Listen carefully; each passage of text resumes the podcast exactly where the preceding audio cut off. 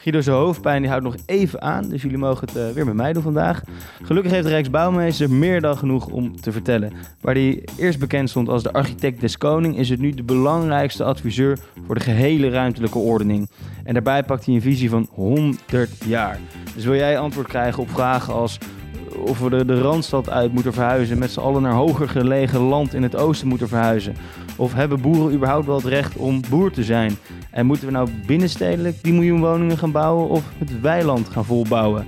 En ja, eigenlijk komt het erop neer. Ben jij benieuwd hoe ons land in de komende 100 jaar uit komt te zien? Dan moet je vooral blijven luisteren. In de Vastgoedmarkt podcast, Jong Geleerd, Oud Gebouwd.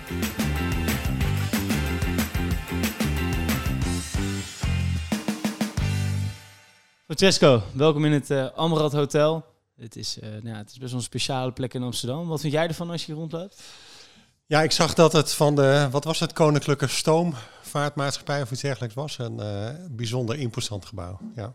Ja, allemaal zeevaartscholen zitten hiernaast ook en zo. Dus ja. het is altijd leuk om hier te zijn. hey, we hebben de Rijksbouwmeester vandaag te gast. Ik denk dat nou, de eerste vraag die ik even, even of het eerste punt dat ik helder wil hebben is... Wat is jouw taakomschrijving eigenlijk? Wat, wat doe jij precies? Ja, in het kort is het gevraagd en ongevraagd advies geven. Dat is de slogan die ik altijd uh, hanteer. En uh, het is natuurlijk veel meer dan dat. Um, ik zou kunnen zeggen, ben onderdeel van uh, het ministerie van Binnenlandse Zaken. Misschien nu nog. in de zin dat het ruimtelijk domein, hè, dus wonen en ruimtelijke ordening belegd is bij het ministerie van Binnenlandse Zaken onder Hugo de Jonge. Uh, en ik ben gekoppeld aan het Rijksvastgoedbedrijf. En van oorsprong, hè, dus de traditie, uh, vertelt dat de Rijksbouwmeester ooit uh, de architect van de koning was. En 200 jaar geleden. Dat is lang zo gebleven. er zijn 38 Rijksbouwmeesters voor mij geweest. En die zijn bezig geweest met uh, vooral gebouwen maken, zeker tot, uh, laten we zeggen, 30 jaar geleden. Dat was echt het vastgoed van het Rijk, hè? vroeg van de koning. En... Ja, ja eh, dus dan praat je over beleidsing van justitie, maar ook um, de ministeries zoals we die kennen.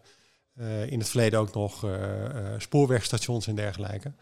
En um, eind jaren 80, begin jaren 90 is dat veranderd en is die rol verder ook wel verbreed binnen het Rijksvastgoedbedrijf. Dus ook met het vastgoed van het Rijk, maar uh, langzaamaan steeds meer ook richtend op uh, de inrichting van Nederland. Hè. Dus in, uh, vanaf 2000 was er um, het College van Rijksadviseurs. het college voorgezeten door de Rijksbouwmeester en met adviseurs op allerlei verschillende terreinen, hè, dus mobiliteit, stedenbouw, landschap, om juist de, de, de, ja, de grote opgaven zoals we die toen zagen in Nederland, om die gezamenlijk beter te pakken. En waarom is dat zo gekomen? Is dat omdat er meer centrale regie kwam um, omdat dat nodig werd geacht? Of? Um, nou, omdat denk ik in de jaren uh, 80 en 90 de opgaven wel inderdaad steeds groter werden. Uh, zeker ook op het gebied van de infrastructuur. Uh, de groei van onze steden. En er ontstond een steeds grotere behoefte. Um, gekoppeld toen overigens aan het ministerie van Vrom. Om... Dat hebben we nu niet, toch? Dus we hebben wel een minister, maar je heeft geen ministerie nog. Ja, ja nee, dus daar, daar kom ik zo op. Um, uh, we hadden een ministerie van Vrom, was bezig met de inrichting van Nederland. Hè, dus echt rijksregie op uh, waar we woningen zouden moeten bouwen. Dat hebben we lang volgehouden. Um, en dat is in 2010 gestopt. Hè. Dus het ministerie is uh, versneld afgebouwd. En vanaf 2010 hadden we niet meer een minister van Vrom, dus ook niet een ministerie.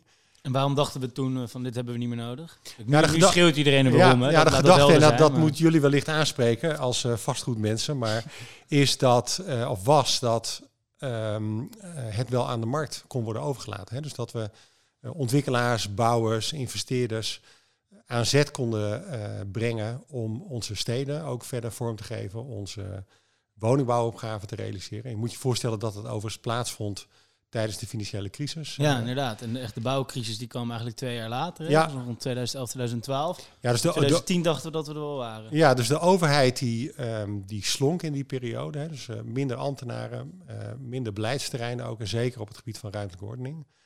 Uh, er werd toen ook in die periode wel gezegd, we hebben genoeg huizen. Hè, oh, ja. We hoeven niet verder, verder te bouwen. Ja, dat bleek natuurlijk niet, uh, niet waar. En daar merken we vandaag de dag nog steeds alle gevolgen van. Dus wat we nu zien, dat is dat in het huidige kabinet, hè, dus met het uh, aantreden van het nieuwe kabinet, uh, een start is gemaakt met, zou ik kunnen zeggen, de wederopbouw van misschien wel een nieuw ministerie. in de vorm van ehm, minister De Jonge, de minister voor woningbouw en ruimtelijke ordening. Dat is nog iets anders dan een minister van ja. woningbouw en ruimtelijke ordening. Hè. Dus niet met een eigen ministerie, maar wel binnen het ministerie van Binnenlandse Zaken. De taak om te zorgen dat er meer regie gaat ontstaan in de ruimtelijke ordening in uh, Nederland. Kijk, dus we zijn die weg ingeslagen. maar als je eigenlijk terugkijkt naar 2010, hè, toen werd inderdaad gezegd, Nederland is af.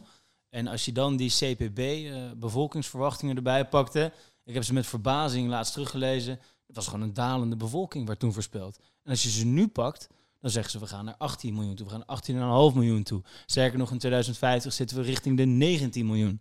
En ik ben een beetje bang dat we dat dus nu voor waarheid aannemen. En denken van, oké, hup, er moeten een miljoen woningen worden gebouwd. Terwijl nog geen tien jaar geleden dachten we, de bevolkingsgroei die is, die is, die is voor altijd dan altijd klaar. We zijn, ja, ja. Ik vind binnen tien jaar zo'n enorme verandering. En dan zo eigenlijk zo'n bevolkingsprognose zo als feit aannemen ben blij dat we nu gaan bouwen hoor, daar niet van. Maar ja, het mooie is, als Rijksbouwmeester ben ik geen uh, demograaf, hè, maar uh, ik spreek wel met mensen die daar verstand van hebben. Uh, en waar ik een, uh, misschien wel een, een, haast overdreven interesse in heb, is getallen uit het verleden. Hè. Dus interessant is om te zien, hè, de getallen van het CBS die teruggaan tot um, de getallen van het CBS die teruggaan tot 1900. Um, en vanaf 1900 eigenlijk een hele gestage uh, constante groei van uh, enerzijds de bevolking laten zien, maar een, uh, zou kunnen zeggen, een exponentiële groei van het aantal woningen. En als je die twee cijfers op elkaar legt en je koppelt daaraan um, wat, wat de maatschappelijke um, fenomenen zijn, met name in de jaren 60, 70 en 80, dan zie je dat um, er steeds meer woningen nodig waren voor eigenlijk steeds minder mensen. Aantal personen in een huishouden. Inderdaad. dus waar uh, voor de Tweede Wereldoorlog nog uh, tussen de vier en de vijf mensen in de woning woonden, is dat nu um, ongeveer 2,1. Uh, eh, dat heeft tot een enorme toename van het aantal um, woningen geleid. En we koppelen dat altijd aan de demografische ontwikkeling, hè, dus de groei van het aantal mensen in het land. maar daar zit ook een welvaartscomponent aan. Hè. Dus we zijn steeds meer gewend geraakt aan het idee dat we met minder wensen, mensen in hetzelfde huis wonen. Eh, en het gevolg daarvan is, als er een bevolkingsgroei uh, ontstaat, dat er dus meer woningen uh, nodig zijn. Hè. Dus ook een andere verdeling van de vierkante meters die we in het land hebben, is um, een oplossing voor het woningtekort waar we nu mee te maken hebben. Dus we moeten ook ander type woningen bouwen dan we eigenlijk de afgelopen jaren hebben gebouwd. dat gebeurt al, maar we moeten ook de woningen die we nu al hebben, misschien op een andere manier gaan gebruiken. Hè. Dus ik hoor in nieuwbouwprojecten wel de term co-living dus dat ja, je, ja, mij niet onbekend, hebben we het net over gehad. Inderdaad, dus dat, dat, dat meerdere uh, mensen in één huis uh, gaan samenwonen zonder dat ze misschien echt ook een relatie met elkaar hebben. Uh, datzelfde concept is natuurlijk ook denkbaar in bestaande woningen. Sterker nog, het is een concept wat we in de jaren um, 50, 60, 70 kenden, misschien nog langer, met hospitas. Hè. Dus als je ging studeren, kwam je niet in een per se studentenwoning of laat staan een zelfstandige wooneenheid. Maar dan ging je gewoon naar een hospita. Hè. Die verhuurde mhm. in haar uh, woning misschien één of twee kamers aan een student om wat uh, extra geld bij te verdienen. Nou, dat is natuurlijk een heel denkbaar model wat je opnieuw zou kunnen invoeren. Waarmee je dus heel veel vierkante meters die op dit moment leeg staan in Nederland ook uh, beschikbaar kunt maken. Ja, en, ja, en co-living kan natuurlijk ook zijn dat je wel je eigen woning hebt, maar dat je meer een soort van shared, uh, ja, moet allemaal met Engels tegenwoordig, ja. shared amenities hebt uh, ja. in de plint en dergelijke. Ja, dus dat je veel meer vanuit een, een, een, een groep gaat ehm, denken. Hè, dus wat kan je met elkaar wel delen? Hè? Of het nou een, een boormachine is, of het is een, een wasmachine, uh, of het is een keuken. Hè? Er zijn uh, ook uh, veel uitgewerktere of misschien wel extremere varianten van. Ik ben recent bij een project geweest in Boekel. dat is een, um, een, een wijk die op een hele natuurlijke manier is opgezet en waarbij het principe een wooncorporatie is, waarbij volgens mij 36 woningen, al die voorzieningen ook samen delen. En het gevolg is dat die woningen uh, kleiner kunnen zijn, omdat de gedeelde functies hè, apart zijn opgenomen. Dat betekent dus ook dat die woningen betaalbaarder zijn voor de mensen die daar uh, wonen. Hè. Dus wat ik ook heb gezien bij dat project is dat dat wel een andere discipline vereist en ook een, een, andere relatie met de mensen om je heen. Hè. Dus co-living en sharing van, van functies, het delen van allerlei faciliteiten, vergt wel iets anders dan wat wij als Nederlander gemiddeld genomen gewend zijn. Ja, en als je ook kijkt naar een steeds verdergaande individualisering, is het misschien ook wel een beweging die, uh, die wat hoop kan bieden. Als je, als je de wasmachine moet delen, dan kom je elkaar nog keer tegen als je, als je de was uithangt. Ja. Maar ik wil eigenlijk even van, van zoiets kleins als de was uithangen wat breder trekken. Want ik heb de Rijksbouwmeester hier te gast. En, uh, nou, en niet een, een, simpele ontwikkelaar zoals wij uh, zijn, Guido. Um, je bent nu een jaar Rijksbouwmeester. Voordat we de balans gaan opmaken, wat was jouw plan toen jij aantrad? Ja, ik werd uh, gebeld met de vraag of ik interesse had om het, uh, om te gaan doen, hè, om Floris Alkmaar op te volgen. En um, het interessante aan wat Floris heeft gedaan in, in de periode dat hij Rijksbouwmeester was, vanaf 2015, is ja, de stap zetten van de uh, toch wel donkere periode waar met name de ontwerpsector uitkwam in 2015 na de crisis. En hè, waar we nu bij de boeren spreken over bestaanszekerheid en, en het gevecht uh, om het kunnen houden van hun uh, bedrijven. Ze hebben het idee hebben dat ze het recht erop hebben. Inderdaad, hebben die discussie eigenlijk heel weinig gevoerd over onder andere de ontwerpsector in die periode. En je moet je voorstellen dat bureaus, maar ook het aantal architecten binnen bureaus bijna gehalveerd is in die periode. Nou, wat Floris toen heeft gedaan, is die heeft heel erg ingezet op onder andere uh, het belang van ontwerpkracht inzetten en de verbeelding. Hè. Dus wat hebben we nodig om mensen mee te nemen in de veranderende tijd. Hè. We weten dat we een enorme transitie gaan doormaken op heel veel vlakken. En daar hebben we ontwerpers voor nodig om dat te verbeelden, om dus ook mensen mee te krijgen in die transitie. En um, uh, toen ik werd gevraagd... dat hij meer de man was van de visie en jij de man van de actie. Um, ja, ik probeer dat wel. daarin ja, uh, ja, minder af te schilderen. Ja, maar. Ik, ja, ik denk dat het uh, in, in de periode dat hij Rijksbouwmeester was, nodig was om mensen echt ook perspectief te geven en mee te nemen aan de hand van een, van een visie. Um, nu zitten wij in een periode waarin we juist die transitie ook echt handen en voeten moeten geven. Dus toen mij die vraag werd gesteld, toen zei ik van nou, ik, ik wil het eigenlijk alleen maar doen als we ook um, dat kunnen uh, doorzetten in, hè, dus daadkracht kunnen uh, toevoegen aan de plannen die er, uh, die er zijn. Nou, en die daadkracht die zet ik in binnen het Rijksvastgoedbedrijf om te zorgen dat de projecten waar we mee bezig zijn ook nog beter worden dan, ehm, dan dat ze al bedacht zijn op eigenlijk alle vlakken. Hè, dus zoveel mogelijk maat, maatschappelijke impact creëren. Maar je vroeg dus om, ik wil het best doen, maar dan wil ik die plannen kunnen combineren met draagkracht, uh, daadkracht. Ja. En hoe hebben ze die daadkracht in jou kunnen beloven? Hebben ze gezegd, Francesco, die krijg je, je moet het doen? Of nou, dat is concreter? ja, het zit, uh, het, het zit natuurlijk in, hè, wat, wat, wat je net ook vroeg van, uh, wat is in essentie wat je doet? Dat is gevraagd en ongevraagd advies geven. Dus via die advisering um, kunnen we echt ook stappen zetten in het realiseren van of een visie of een bepaalde koerswijziging of anderszins. En wat ik in het afgelopen jaar heb gemerkt is dat de onderwerpen waar we op adviseren, die doen ertoe. En die leiden met de adviezen die wij geven ook echt wel tot uh, soms een koerswijziging of een versterking van een, een bepaalde aanpak. Um, en dat sterkt mij natuurlijk wel in het idee dat, dat het er dus ook toe doet wat ik doe. Maar overigens, wat ik doe samen met het College van Rijksadviseurs, dus samen met Janne-Marie de Jonge en Wouter Veldhuis. En samen met een team van ongeveer 40 uh, eh, specialisten op alle vlakken binnen het ruimtelijk domein. En dus um, de, de, de, de balans opmaken is dat wij. Waar ben je het meest tevreden over en wat had je anders gewild? Um, nou, dat vind, dat vind ik toch heel erg uh, um, moeilijk om nu te zeggen na een jaar. Want ik heb ook gemerkt dat de processen in Den Haag uh, tijd kosten. ja. Als ik het even vergelijk met uh, hè, mijn andere baan, zou je kunnen zeggen, als architect en ondernemer, dan is de snelheid waarmee ik dat samen met mijn architectenbureau doe veel hoger. Maar, kunnen we zeggen dat de snelheid een beetje tegenvalt. Ja, dat, dat, uh, het zou op sommige vlakken echt, uh, echt sneller moeten ook. Um, en uh, dat kan ik illustreren aan de hand van een voorbeeld in Groningen. Um, um, mijn voorganger Floris Alkemaarder was betrokken bij de gemeente Eems-Delta. De gemeente Eems-Delta ligt in het aardbevingsgebied en vroegen hem om te helpen in advisering over hoe moeten we nou dat gebied aanpakken. Hoe gaan we nou om met die enorme hoeveelheid woningen die moeten worden versterkt. Nou, ik ben volgens gevraagd om daarmee door te gaan uiteraard uh, uh, gezegd dat ik dat uh, doe. En wat ik zie in dat gebied is dat er eigenlijk een andere aanpak nodig is om de mensen, de getroffenen van de aardbevingen, om die echt goed te helpen. Hè. Dus in dat gebied is veel meer maatwerk vanuit de Rijksoverheid nodig om de mensen met hun specifieke problemen te helpen. Niet dat zozeer... ergert ze, het gebrek aan snelheid. Dat ze zeggen, jullie worden geholpen, maar waar blijft het dan? Nou ja, da da daar speelt snelheid een rol, maar daar speelt nog uh, veel belangrijker vertrouwen een rol in uh, uh, de daadkracht en de acties die de overheid uitvoert. En ik merk in de gesprekken die ik voer dat maatwerk voor de mensen heel erg belangrijk is om dat aan te bieden.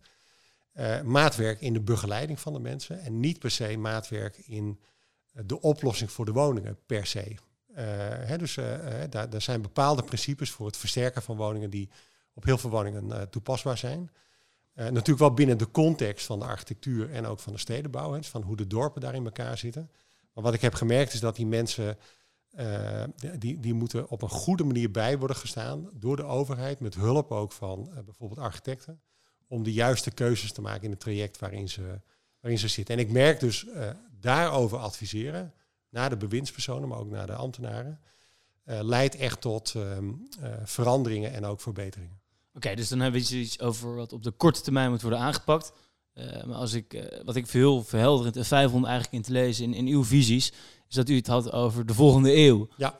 Wat bedoelt u daarmee? ja, we zitten hier de volgende in een pand, eeuw begint nu. Ja, we zitten hier in een pand. Ik heb niet gezien van welke datum, maar ik denk laat 19, begin 20e eeuw. Ja. Um, dus dit pand staat er al meer dan een eeuw. En uh, als ik kijk naar de dikte van de wanden en uh, waarschijnlijk 1854 het, volgens uh, mij, maar ze zullen okay. me vast verbeteren. Ja. Um, en, en de waarde van het vastgoed gaat dit niet verdwijnen. He, dus dat betekent dat in zeg maar midden 19e eeuw hebben ze een keuze gemaakt om hier iets neer te zetten. En het gevolg van die keuze echoot 200 jaar, 300 jaar voort. 400 jaar voorbeelden hier in Amsterdam. Uh, dus we moeten realiseren dat in de aanleg van nieuwe woonwijken, het bouwen van uh, rijksvastgoed uh, in het centrum van Den Haag of op andere locaties, een hele lange tijd enorme impact heeft op het gebied waar zo'n gebouw in staat. En vandaar die slogan die we hanteren in onze agenda. De 22e eeuw begint nu. Dus iedere daad die we nu verrichten, echt groot in de volgende eeuw door. En dat betekent dus ook dat we misschien wel veel beter na moeten denken wat die volgende eeuw ons gaat brengen. Hè. Dus wat over 100 jaar, hoe die samenleving er uh, bij wijze van spreken uit zou kunnen zien. En dat, dat we daar dus nu in de gebouwde omgeving al langzaamaan op gaan uh, uh, anticiperen. En dat, dat vind ik een prachtige ambitie, maar we hadden het er net over dat CBS sinds 1900 de cijfers bijhoudt. Ja. Denk je dat ze in 1920 enig idee hadden kunnen hebben wat wij nu willen en hoe wij nu leven. Volgens mij dachten we eh, rond de jaren 70, 80 nog, laten, laten we de grachtengordel asfalteren en vier baans in Amsterdam bouwen. Ja. Want auto's dus, zijn de toekomst. Dus ik denk dat dat is een heel mooi uh, uh, voorbeeld van uh, enerzijds wensdenken en korte termijn denken. Hè. Dus de komst van de auto, automobiliteit zie je over de hele wereld heeft zijn enorme uh, diepe sporen nagelaten in onze littekens steden. kun je wel zeggen, toch? Uh, ja, dat, uh, dus de, de, de, de, enorme interventies in onze steden om autotoegankelijkheid mogelijk te maken, um, is ook gewoon terug te draaien. Hè. Dus je ziet nu heel langzaam aan dat dat ook in steden als Amsterdam en ook in Utrecht vind ik een mooi voorbeeld. In Rotterdam en Utrecht station dat ja. hebben gedaan, ja. de ring weer doorgetrokken. Ja. Um, dus dat, dus dat is enerzijds wensdenken en anderzijds ook korte termijn denken. Hè. Dus dat gaat over uh, investeringsvermogen. Uh, je kan uh, winsten behalen. je kan daarmee de economie ehm, aansporen om meer en meer auto's te verkopen in dit voorbeeld. Um, maar dat verdwijnt ook weer op een moment. Hè. Dat laat de, de historie ook zien in de periode, even terug naar dit gebouw, ehm, midden 19e eeuw met de industriële revolutie. Hè. Dat heeft ook zo'n enorme uh, hoogtepunten gehad. Uh, als je bijvoorbeeld kijkt naar landen als uh, Engeland, hè, met steden als Manchester en Liverpool. En dat heeft ook een enorme um, um, neerslag gehad, of een achteruitgang, in de periode van de jaren 60 en de jaren 70. Hè, dus industrialisatie trouwens ook. Toen met, met al die arbeidershuizen. Ja, dus precies in, in die. heb je een tijd gewerkt. Ja, dus, dus precies in die periode. En wat wij dus nu zeggen is, je, je kan voorbij een uh, cyclus gaan kijken. Hè? Dus uh, de, uh, een energiecyclus of een mobiliteitscyclus of een wooncyclus. En als je verder kijkt, dan kan je dus ook in de toekomst proberen een indruk te krijgen van hoe het leven dan is. En nogmaals, dat naar het hier en nu eh, halen. En dan ga je dus niet meer praten over wensdenken en korte termijn ehm, economische groei. Maar dan ga je dus ook echt over langdurige groei nadenken die maatschappelijk verantwoord is, hè, die in, in balans is tussen. Waar moet je dan aan denken? Um, nou, bijvoorbeeld grote... onder de zeespiegel of zoiets? Bijvoorbeeld, eh, of grote infrastructuurprojecten. Hè. Dus is het nog houdbaar om uh, de zeespiegelstijging tegen te houden met het verhogen van onze dijken en onze duinen en onze zeekeringen? Of moeten we er langzaamaan uh, over nadenken dat we naar de hogere zandgronden moeten gaan verplaatsen? Hè. Dus als je nu ziet de opgave van, de hoop mensen de stuip op het lijf jagen als we, het, als we het zo concreet erover hebben. Want we hebben het over 100 jaar ja. beslissingen nu. Ja, inderdaad. En ehm, eh, ik heb vorige week gesproken met een groep ehm, eh, pensioenfondsen hè, die investeren in vastgoed. Ja, die hebben een hele lange termijnvisie. Hè. Dus als die horen dat het misschien over 50 jaar toch best wel een beetje uh, spannend wordt in de, de meer, ja, misschien gaan die dan langzaamaan erover nadenken. Van, ja, is dat nog wel een verstandige plek om mijn geld te stallen? Om daarmee dus ook de pensioengelden voor de uh, werknemers in de toekomst veilig te stellen. Dat soort mechanismen die gaan werken en die hebben we ook uh, ondertussen gehoord van ehm, de hoofdeconomen van de grote banken in Nederland, die ook stellen dat in het kader van transitie in de landbouw bijvoorbeeld, dat ook daar de banken gaan nadenken over of bepaalde investeringen nog wel in lijn zijn met um, de plek waar geboerd wordt. Uh, waar misschien risico's zijn in relatie tot uh, Natura 2000 uh, gebieden of waar risico's zijn in relatie tot waterschaarste. dus het besef dat de langere termijn van impact is of van invloed is op de keuzes van nu, is langzaamaan aan het indalen. Dat vind ik dat zo fascinerend, maar het is ook zo'n groot onderwerp dat ik denk dat we hem even in, in een paar moten moeten ja. ophakken. Um, ik, ik, ja, tijdens je verhaal dacht ik zelf aan, nou ja, je hebt natuurlijk een deel dat gaat echt over dus ook de kwaliteit. Dus als we, dat was het eerste deel wat we aanraakten. Als we nu wel bouwen, dan moeten we eigenlijk iets bouwen met de kwaliteit en het idee van nou, het gaat minimaal 100 jaar staan. Guido en ik hebben het al vaker aangehaald in deze podcast. Als wij zien wat er nu in heel veel nieuwbouwwijken worden gebouwd, wordt gebouwd, dan denk ik, nou, ik ben blij als we over 50 jaar uh, het kunnen neerhalen of, of wat anders van kunnen doen. Um, hopelijk hergebruiken en ik er echt wat moois neerzetten. Dus met die, met die 1 miljoen woningen die we moeten gaan bouwen en, en al die haast, die ik niet wil, um, bagatelliseren of iets dergelijks. Maar dan ben ik zo bang dat we nou juist die kwaliteit nu niet in ogenschouw nemen. Nee. Dat moet jou pijn doen als nee, je hebt, je hebt altijd, hè, als je uh, uh, als, als, als ruimtelijk ontwerper, als architect of stedenbekundige of landschapsarchitect uh, bezig bent, heb je natuurlijk altijd per definitie verantwoordelijkheid om ehm, kwaliteit centraal te stellen in het werk wat je doet. En kwaliteit voor uh, de bewoners, maar ook kwaliteit voor uh, de plek, kwaliteit in relatie tot het bestaande. Um, hè, dus als jij zegt dat je ontwikkelingen ziet waarvan je hoopt dat het over 50 jaar weer verdwijnt, ja, dan is daar in ieder geval flink tekort geschoten. Maar de andere kant van de medaille is, is dat um, de kwaliteit die we bouwen, technisch gezien, uh, zo hoog is in Nederland, dat ieder gebouw um, wat eerder dan 50 jaar moet worden gesloopt, echt ook niet goed gebouwd is. Hè. Dus um, nogmaals, we zitten hier in Amsterdam. We zien om ons heen gebouwen van uh, 4, 5, 600 jaar oud. En uh, die staan er dus nog steeds. Uh, hè, dus die gebouwen Dezelfde die houten balk, hè? dezelfde houten dragers. Inderdaad, dus die, die gebouwen die bewijzen dat we in onze bouwtraditie in staat zijn om die gebouwen langdurig um, goed te beheren en goed te kunnen gebruiken. Maar toen de tijd, toen we dus 400, 500 jaar geleden die, die, die mooie grachtenpanden hebben gemaakt en gebouwen zoals dit, nou dan weet ik zeker dat in de, in de HBA'tjes die toen werden samengesteld, er geen zwarte cijfers aan de onderkant uh, kwamen. En als ik nu gewoon, gewoon een greep uit mijn dagelijks werk, ja, we hebben het erover gehad, we hebben allebei een passie ook echt voor iets moois willen maken.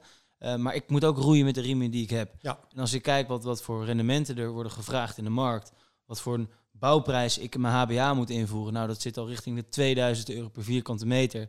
En als ik dan kijk wat de gemeente aan grondprijzen vraagt, nou, dan, dan blijft er eigenlijk praktisch niks over om echt wat leuks te maken. Om bijvoorbeeld echt te denken, nou, ik, ik, ik, ik maak er een hele plint die open is voor de buurt. Of ik, ik ga expres, ik ga vol voor betaalbaarheid. Het maakt me niet uit wat de inflatie doet. Ik wil 2,5% kunnen beloven aan de komende huurders. Die ruimte heb ik niet. Nee, dus de vraag is of de financiële modellen nog, uh, nu nog werken zoals we ze in het verleden hebben gebruikt. Ik denk het niet. Hè. En nou, nogmaals, ik ben geen econoom, hè, maar ik kan me wel voorstellen dat als je draait aan de knoppen van um, um, af, afschrijftermijnen, uh, bijvoorbeeld, en uh, rentetermijnen of aan bepaalde opbrengsten. Hè. Dus hoeveel geld wil ik nou eigenlijk ergens op verdienen? Wat heb ik daar ook in nodig? En dat is een heel complex systeem, hè, tot aan de pensioenfondsen aan toe, hè, die ook rendement nodig hebben om vervolgens weer te kunnen uitkeren.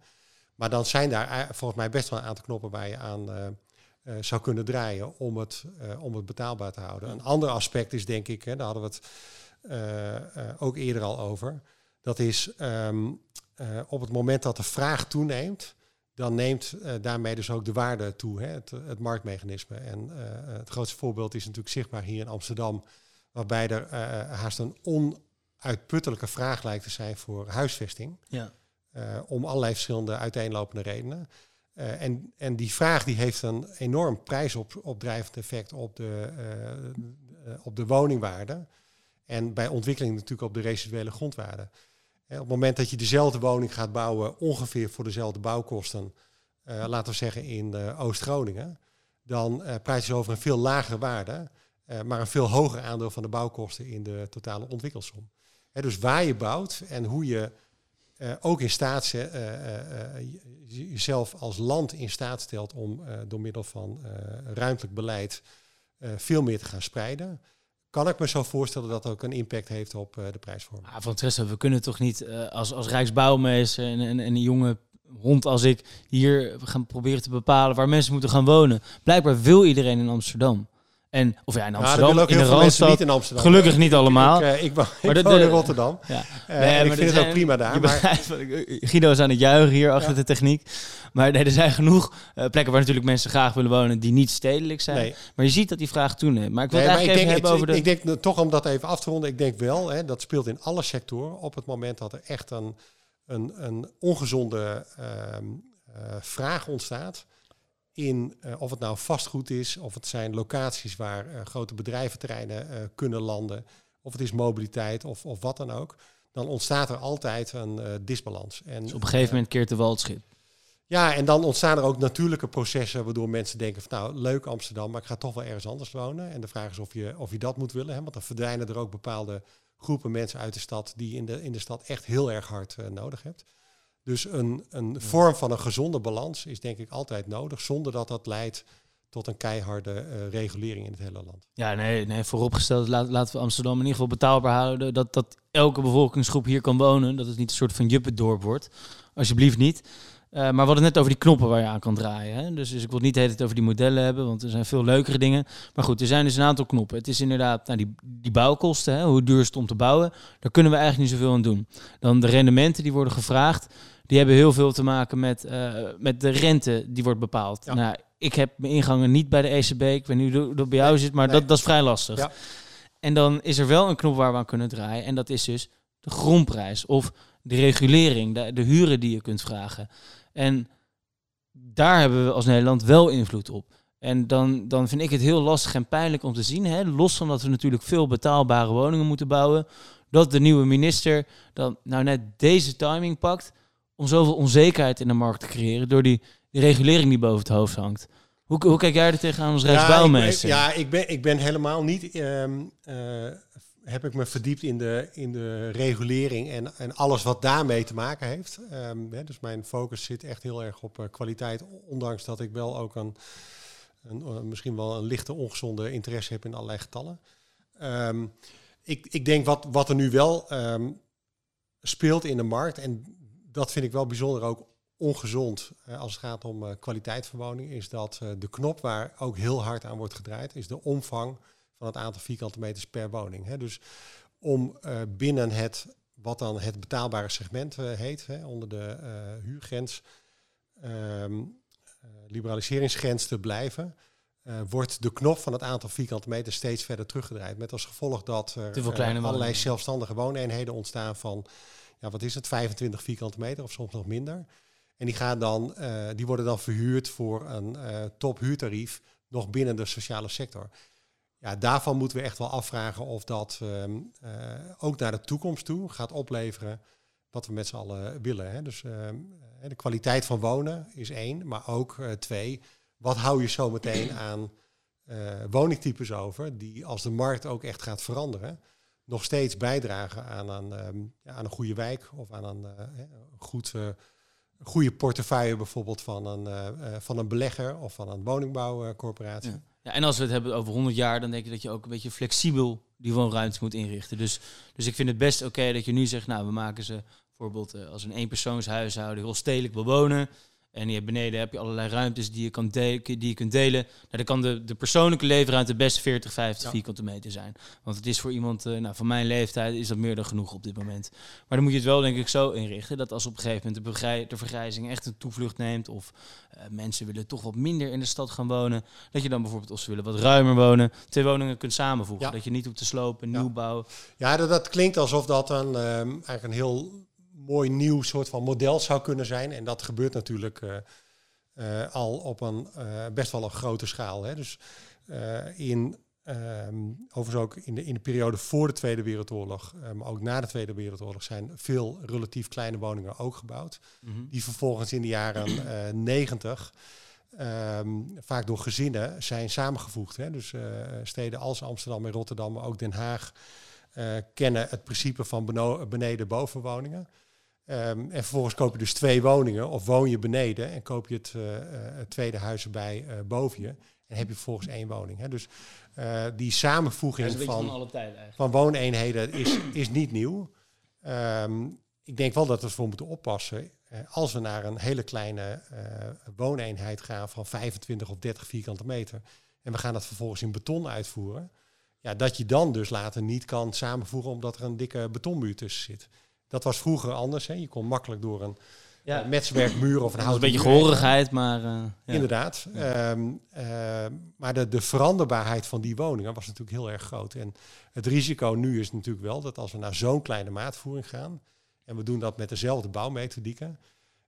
ja, dan gaan we daar onszelf in de toekomst niet, niet mee helpen. Oké, okay, dus dan denk ik dat we, ja, er is nog voldoende te bespreken, maar kwaliteit nu even, even kunnen laten voor wat het is. Nou, misschien nog en, één toevoeging, okay, heel graag, als daar uh, iets van tijd voor is, want uh, dat is dan de stap eigenlijk naar het nieuwe bouwen. Uh, namelijk als we meer uh, haast traditioneel zou, zouden gaan bouwen in hout, hè, zoals we dat letterlijk voor de industriële revolutie gewend waren altijd te doen. Um, dan zal je zien dat die flexibiliteit ook toeneemt. Hè. Dus dan heb je eigenlijk een dubbelslag. Dus dan ga je en uh, gebruik maken van zogenoemde biobased materialen. Hè, dus die echt veel beter uh, en, uh, eigenlijk geen uitstoot van CO2 hebben, maar veel beter dus passen in de natuurlijke habitat. enerzijds en anderzijds dat daarmee dus de veranderbaarheid van de woningen naar de toekomst en daarmee dus ook de flexibiliteit gaat toenemen.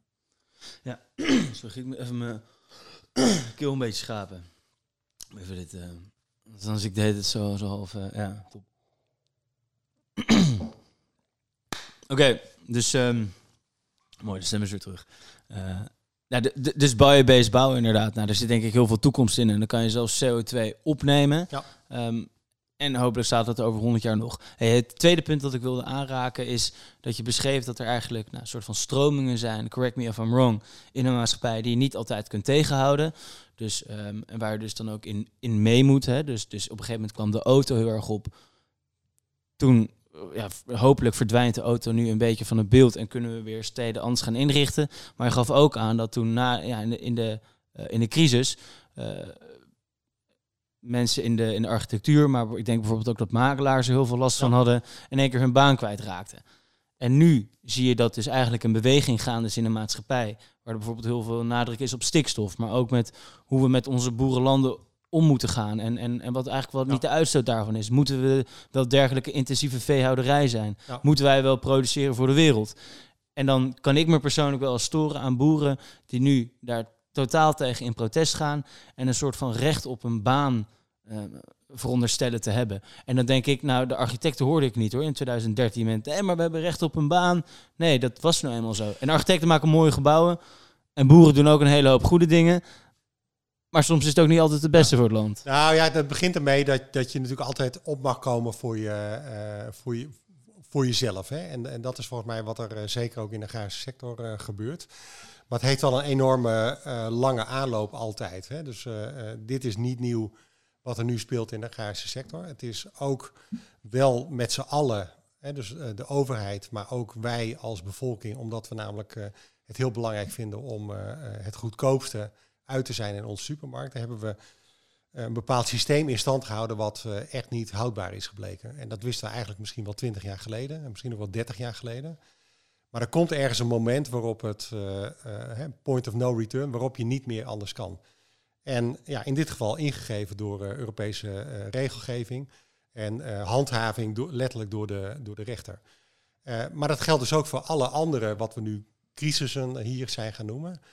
Die zijn natuurlijk niet ontstaan van gisteren op eh, vandaag. Hè. Dus die hebben een veel langere aanloop. En, ehm, en ik denk het interessante, hè, dus op het moment dat je ook weer, waar we het net over hadden, dat toekomstdenken als een onderdeel ook van eh, beleid maken gaat inzetten. Dus veel verder vooruit gaat kijken. Dan ga je dus ook ontdekken waar je in de tijd tegenaan gaat lopen. En dan ga je dus ook ontdekken dat je bepaalde dingen gewoon echt niet moet doen of niet moet, eh, moet willen.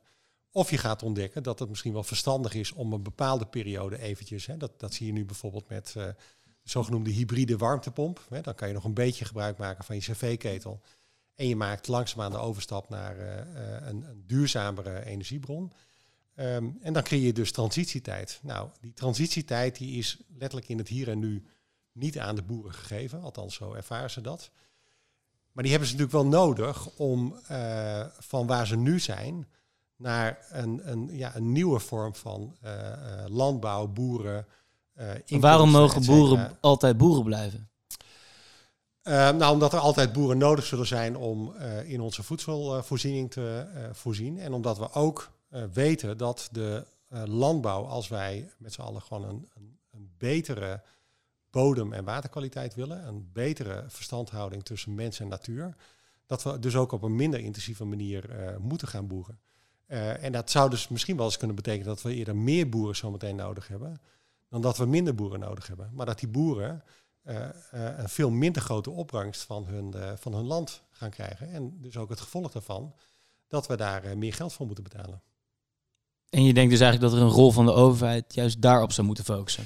Nou, om, om eh, in ieder geval die, Dat eh, die, mechanismen eh, zichtbaar te maken. Dus mensen ook mee te nemen. Hè. Dus niet zozeer alleen de boeren. Want ik denk dat de boeren donders goed weten wat er voor nodig is om die transitie mogelijk te En maken. als wij het al twintig jaar wisten, dan denk ik dat boeren het ook misschien nog wel 20, 30 jaar Zeker. wisten. Eh, en volgens mij ontkennen ze dat ook niet. Maar ehm, ja, de Nederlander die moet daar natuurlijk ook in worden meegenomen. Hè? Want wij moeten in ons gedrag misschien ook wel op een, op een hele andere manier. eh, eh, ehm, eh, wij moeten ons gedrag waarschijnlijk op een andere manier eh, eh, vormgeven. Hè? Dus ehm, andere keuzes maken die veel bewuster zijn. Hè? Dus als ik nu ehm, vlees koop, of hè, vlees wordt altijd als voorbeeld genoemd. Ik vind het eigenlijk veel Ja. interessanter om ka- kaas als voorbeeld te nemen. Hè? Want voor kaas heb je... Kaas is helemaal niet gezond ook.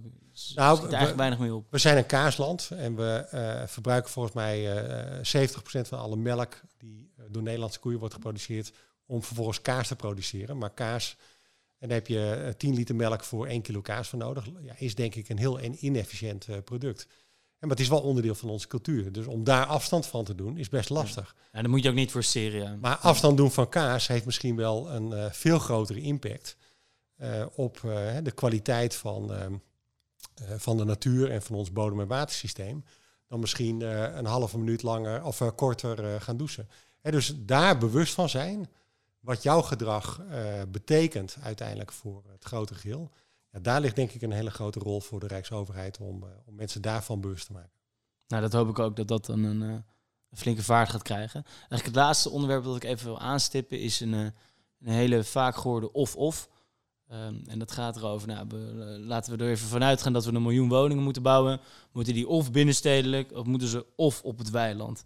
Hoe kijk jij naar die discussie aan? Is die zo zwart-wit? Moeten ja, we noemen altijd binnenstedelijk. Hè? En dan eh, merk ik bij mezelf ook de reflex dat ik eh, direct denk aan eh, Rotterdam, hè, omdat ik er woon, of Amsterdam, Den Haag, waar ik eh, nu ook deels eh, werk. Ehm, maar we hebben zo ontzettend veel plaatsen in Nederland. Eh, hè, die variëren tussen eh 50 woningen en. eh, Dat was het vorige front, eh, toch? Die gaf aan, 500.000. we moeten allemaal middelgrote steden maken, toch? Alle Nou, we we moeten- en... Volgens mij de is, is de kunst om veel meer eh, te verdelen eh, binnen bestaande ehm, eh, gebieden waar bebouwing is, als ik het even heel erg ruim omschrijf. Hè. En dat noemen we steden, maar dat zijn ook plaatsen, dat zijn ook dorpen. Ook in dorpen is behoefte aan meer woningen voor, voor de jongeren. Als die woningen er niet zijn en ouderen blijven daar langer, dan betekent dus dat die jongeren wegtrekken en dus ook niet meer terugkomen. Hè. Dus er, zal ook op andere plekken dan in onze bekende steden meer moeten worden gebouwd. En op het moment dat je dat zorgvuldig doet, hè, binnen de structuur van uh, de dorpen en de plaatsen en de steden die we kennen, en dat dat past ook bij de, uh, de stedenbekundige structuur, maar ook bij de cultuur van een bepaalde plek, dan zal je zien dat je dus ruimte daaromheen vrijhoudt om ehm, andere dingen te doen. Hè, dus om het te gebruiken als boerenland of als industriegebied, maar ook als cultuurlandschap. Dus het landschap waar we als Nederlanders aan gehecht zijn, wat echt wel is veranderd in de afgelopen 50 jaar. Ja, dus maar het is 66% is dat boerenland uh, ongeveer, toch? Um, nou, zo, zo ja, maar het is niet alleen boerenland. Het is ook uh, uh, ons watersysteem. Het is het systeem waarin de bodemkwaliteit ehm, kan worden onderhouden. beter moet worden onderhouden ook dan wat nu gebeurt. Maar het is ook onderdeel van ehm, doorzichten. En het is ook onderdeel van de ruimte tussen uh, plaatsen, waardoor plaatsen ook hun eigen identiteit kunnen behouden. Dus die, die, die 60% uh, agrarisch landschap die we hebben, dat is niet een enkele functie. Dus dat is een, meervoudige functie die ook onderdeel is van um, ja, de cultuur die wij in Nederland kennen en het landschap waar, we, waar veel Nederlanders ook echt nog steeds heel erg van houden. Ja, en ik proef ook een, uh, wel een welkome tendens dat we eigenlijk niet te snel moeten, moeten meebewegen met de wind die nu waait. Dus dat, dat er nu een bepaalde beweging is dat boerenland, dat is eigenlijk helemaal niks waard. En we moeten het volbouwen en we moeten de bossen neerzetten. want dat is eigenlijk ook zo'n wind die er was met de auto's waar we het over hadden. Ja. Nou, gelukkig is die wind voorbij en kunnen we steden anders gaan inrichten. Om af te sluiten, Francesco. Hoe, lang ben je ongeveer Rijksbouwmeester gemiddeld? Zit daar vaste tijd voor? Of? Uh, nee, er is niet een, echt een vaste termijn. Uh, Janne-Marie en Bouten die zijn uh, iets eerder gestart dan, dan ik. En die stoppen op 1 januari 2025. Dus mijn termijn loopt ook tot dat moment. Juist ook omdat wij ehm, met z'n drieën hebben gezegd... wij moeten als een hecht trio deze opgave aanpakken vanuit drie verschillende disciplines. En op het moment dat we die krachten bundelen, dan kan het geluid wat we brengen en de impact die we daarmee realiseren ook uh, drie keer zo groot zijn. En dat is de inzet die we hebben gedaan. Oké, dus concreet, over 2,5 jaar, als we elkaar zien en we drinken weer een biertje, Wanneer ben je tevreden? Wat moet er concreet zijn bereikt over 2,5 jaar? Um, nou, op, dat in ieder geval op de thema's die te maken hebben met ruimtelijke ordening en uh, waar uh, de burger ook uh, een belangrijke rol speelt. Hè. Bijvoorbeeld Groningen, maar ook in onze steden. Als we het concreet maken? de verbinding met de burger ook wordt gemaakt. Dus heel concreet bijvoorbeeld hier op het marinetrein in Amsterdam. Hè, een, een groot terrein van het Rijksvastgoedbedrijf en Defensie. Dan wordt er transitie gemaakt naar uh, wonen, werken en onderwijs. En dat we dus in staat zijn om bijvoorbeeld bij zo'n project um, uh, de omwonenden op een goede manier te betrekken. Uh, het gebied betaalbaar te houden en juist ook die functiemenging op rijksterrein Hartje Amsterdam. Uh, echt ook uh, uh, mogelijk te maken. En ook te zorgen dat daar niet een kapitalisatieslag ontstaat. En het geld dus belandt eigenlijk bij partijen waar ik ze het liefst niet zou zien. Maar juist wordt besteed aan de Amsterdammer Nou, ik kijk ernaar uit. Ik kijk erop uit, dus dat is top. Dankjewel, Francesco. Graag gedaan.